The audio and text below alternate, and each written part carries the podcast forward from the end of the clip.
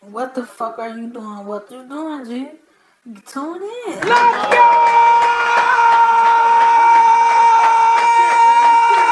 go!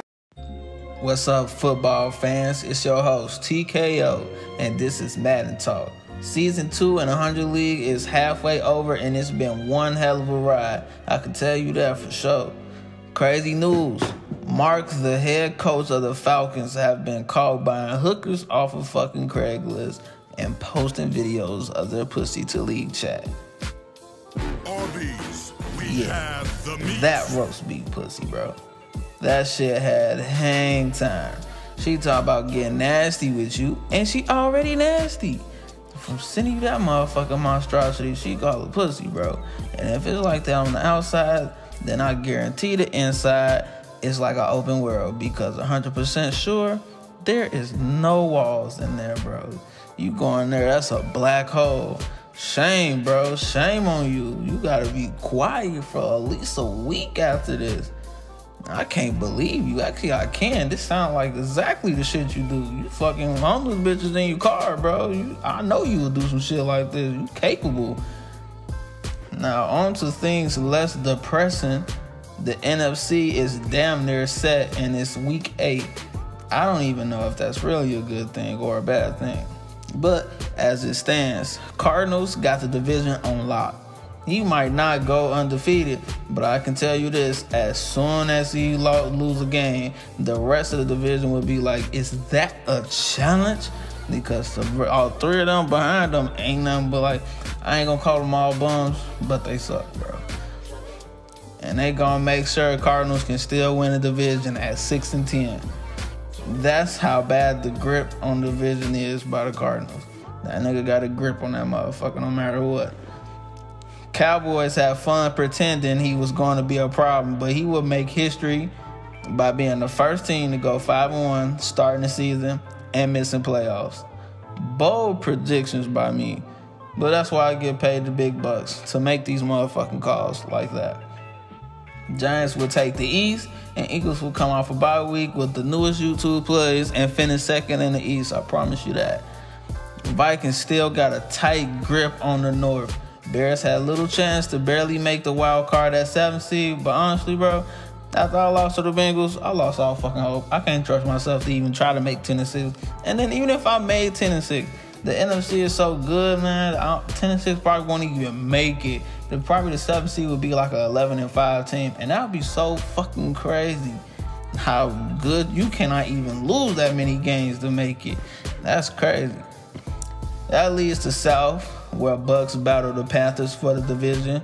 Bucks already beat them one time, but they gotta watch Panthers run through their somewhat easy second half schedule as they play the Lions, the Falcons, the Saints, Jets, Washington, 49ers, Saints, Cowboys, then the Eagles.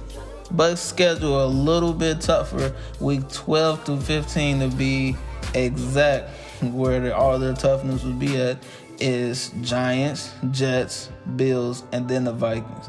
Depending on their right on their rivals' record, the real the realistically chances of them having to beat all him have to beat all of them to be the number one seed is extremely high.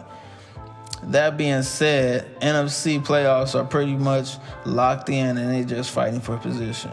Really. Matter of fact, man, looking at the AFC, it's a dub too. It's probably safe to say Steelers locking up the number one seed while everybody fighting for the rest of the spots. Um, but then again, you know, Jags look like they kind of got it. But as it look, looking at both schedules, it look like Steelers has a better chance of locking that one seed. And Jaguars are 7-0 right now, but that don't mean shit when Colts are right behind you at 5 and 1 and Titans who are 4 and 2. They can't afford to lose. AFC South may have three teams in the playoffs this year. Uh, just like NFC South had three playoff teams last year. Except it was a fluke with the Falcons. Sorry. Chiefs not even getting no comp in the West for real. Like the West just really not opposing this man. I'm like, y'all drafted all that defense for what? Them niggas, they just sitting over there just not doing shit. Ain't shit stopped over there. AFC East looks to be in the Bills' hands for right now. They have no intention on losing being 6 and 1, but their schedule says otherwise. After getting the two easy dubs against the Fins and the Texans, they play Steelers, Chiefs, Jags, then the Bucks. Then they see Patriots week 15, which may determine who really own the East. Now, if I have my Super Bowl picks, I got a good feeling that Bucks versus Bills will make the headline. What about you guys? Send me your thoughts later. Y'all might disagree with me, but I know for sure Bucks is almost like a lock in. I really can't see nobody else taking that unless the Giants probably miraculously get on. That's my second pick. That's my dark horse for NFC, however. Breaking news, breaking news, breaking news. Had to say that three fucking times because we have one less winless team with the Raiders winning their first game against the Browns. Of course it is the Browns, but you only can play the games that's in front of you, right? And he got tired of taking L's and said, Eric Raybrother, please help me. Please. Asking you shall receive. Well, maybe I'll stop talking a little bit less shit. Psych, psych. I'm just joking. Really. The Browns coach must have been playing with a fish while calling the plays, which is a very good distraction. Now, in favor of being Halloween, I'll switch to another segment. Don't leave this shit. Please, stay tuned.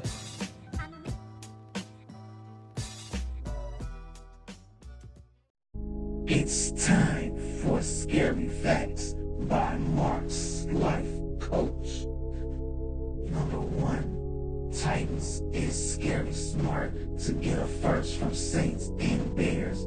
Saints suck ass, so that's number one, no doubt. And Bears are probably top 10, while Titans still have them first in playoff contentions. Jaguars may be undefeated and still get one and done in playoffs. That shit just scared me. Mark's choice of women is super fucking crazy. No way he paid $40 for that roast beef. Maybe a dollar fifty. But goddamn, that video gave me chills. And it's so hard to give me chills. Can you imagine how scary that pussy looks? And number four, last but not least, the Packers are forever fucked on cap.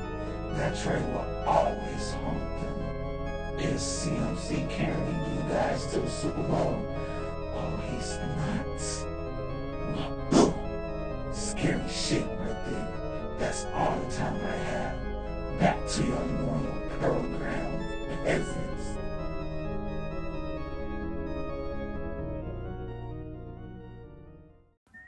Welcome back, y'all. Y'all know what time it is. It's time for them power rankings. Now, at number one, it ain't the Vikings today. Vikings has been dethroned. I repeat, Vikings has been dethroned. After walking into a trap game losing to the Bengals 31 to 35, they have to make room for the Jaguars who just beat their second team that was over 500. I know it sounds like I'm hating, but I'm just stating facts. I love you. But they they deserve that one spot, that's for sure. Now Bucks are glued to the second second spot after they diabolically brought back Saints former once a year quitter, coach for a stat game. I'm like, that was diabolical. Shit. I know they gotta go. That's why I said they gotta go to the Super Bowl. Look how they thinking. And Steelers also only beat one team over 500 and are gloating being 7 0. I, for one, can't blame them. For they has been staring at that number one seed since week one, and now they're third in power ranking. Vikings may have fell from one from the one spot to the fourth, but that don't mean shit when it comes to their skill. Their skill is still top notch, and they'll bounce back from their first loss of the season. At five, we have the Super Bowl champs, Panthers, and those first two weeks when they when they went 0 2, man, I thought they'd be fighting for their life this whole season, just like the Texans. But that was some trickery as they rise to four and three with a record that favors them and a schedule that also favors them coming in the second half. Mm, Cardinals took a mental beating from the Jags last week and a thriller, so the sixth spot is theirs. Suits them just fine. Like I said, they can lose the rest of their games in that division and, and still beat the whole division. They'll still have the division, like on lock. I'm telling you. And seven belongs to the Chiefs, who also might as well put themselves on cruise control if they didn't already. Ain't nothing changed with the coach. Still my AFC dark horse and number eight on the chart. Patriots done with the first year excuses. No more excuses. They ready to go in. They all in. Even though Panthers blew them out and they made a head scratch of a trade, I still don't like that trade with that running back, bro. Like your defense still suffering. Mm, They still going to be a problem. Hence them being inside the top ten at nine. Bills also not taking no shit, sitting at ten, and I'm I'm pretty sure they're gonna try to make they got to make their case to be a Super Bowl. And I wouldn't be surprised if they never lost lost another game this year and they got a little shake up on top, but outside of 10 is almost the same. Man, I need to stop disrespecting the Giants. I put them at 14 last week, and they doing so much better than that. And that's what they're at. They're at 11. 12 the Titans, 13 Cowboys, 14 Eagles, 15 the Broncos, 16 the Jets, 17 Dolphins, 18 Ravens, 19 football team, they doing pretty good, man. I thought they was just gonna be like another. I thought they was gonna be like 0 and 5 or zero oh and seven coming in this week. I swear, I didn't think they was gonna win any game, but it is what it is. Falcons, who also predicted being bums, and I'm correct on that. I stand by. 49ers, Bears, Browns, Chargers. Pay for them defensive backs and they ain't doing shit. You gotta stop. You probably gonna be at 30. You gonna be at 30 in a minute, bro. Lose another game if you want to.